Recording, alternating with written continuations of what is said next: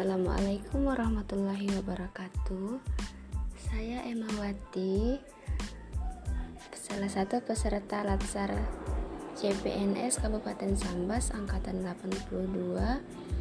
Di sini saya akan membacakan kode sikap dan perilaku sebagai seorang PNS. Sebagai unsur aparatur negara dan abdi masyarakat, pegawai negeri sipil memiliki hak dan budi pekerti yang tidak tercela, yang berkemampuan melaksanakan tugas secara profesional dan bertanggung jawab dalam menyelenggarakan tugas pemerintahan dan pembangunan, serta bersih dari korupsi, kolusi, dan nepotisme. Setiap pegawai negeri sipil wajib bertakwa kepada Tuhan Yang Maha Esa, wajib memberikan pelayanan secara adil dan merata kepada masyarakat dengan dilandasi kesetiaan dan ketaatan kepada Pancasila, Undang-Undang Dasar 1945, negara dan pemerintah. Untuk menjamin agar setiap pegawai negeri sipil selalu berupaya terus meningkatkan kesetiaan, ketaatan, dan pengabdiannya tersebut, ditetapkan ketentuan perundang-undangan yang mengatur sikap, tingkah laku, dan perbuatan pegawai negeri sipil, baik di dalam maupun di luar dinas. Adapun etika dalam bernegara meliputi yang pertama, melaksanakan sepenuhnya Pancasila dan Undang-Undang Dasar 1945. Dua, mengangkat harkat dan martabat bangsa dan negara. Tiga, menjadi perekat dan pemersatu bangsa dalam negara kesatuan Republik Indonesia. Empat, menaati semua peraturan perundang-undang yang berlaku dalam melaksanakan tugas.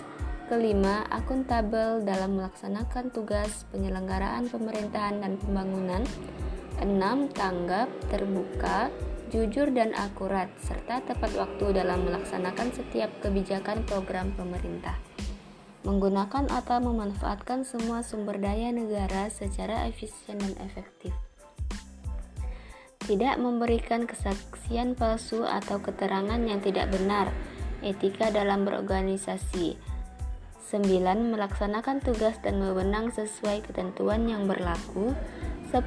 Menjaga informasi yang bersifat rahasia. 11. Melaksanakan setiap kebijakan yang ditetapkan oleh pejabat yang berwenang. 12. Membangun etos kerja dan meningkatkan kinerja organisasi. 13. Menjalin kerjasama secara kooperatif dengan unit kerja lain yang terkait dalam rangka pencapaian tujuan. 14. Memiliki kompetensi dalam pelaksanaan tugas. 15. Patuh dan taat terhadap standar operasional dan tata kerja. 16. Mengembangkan pemikiran secara kreatif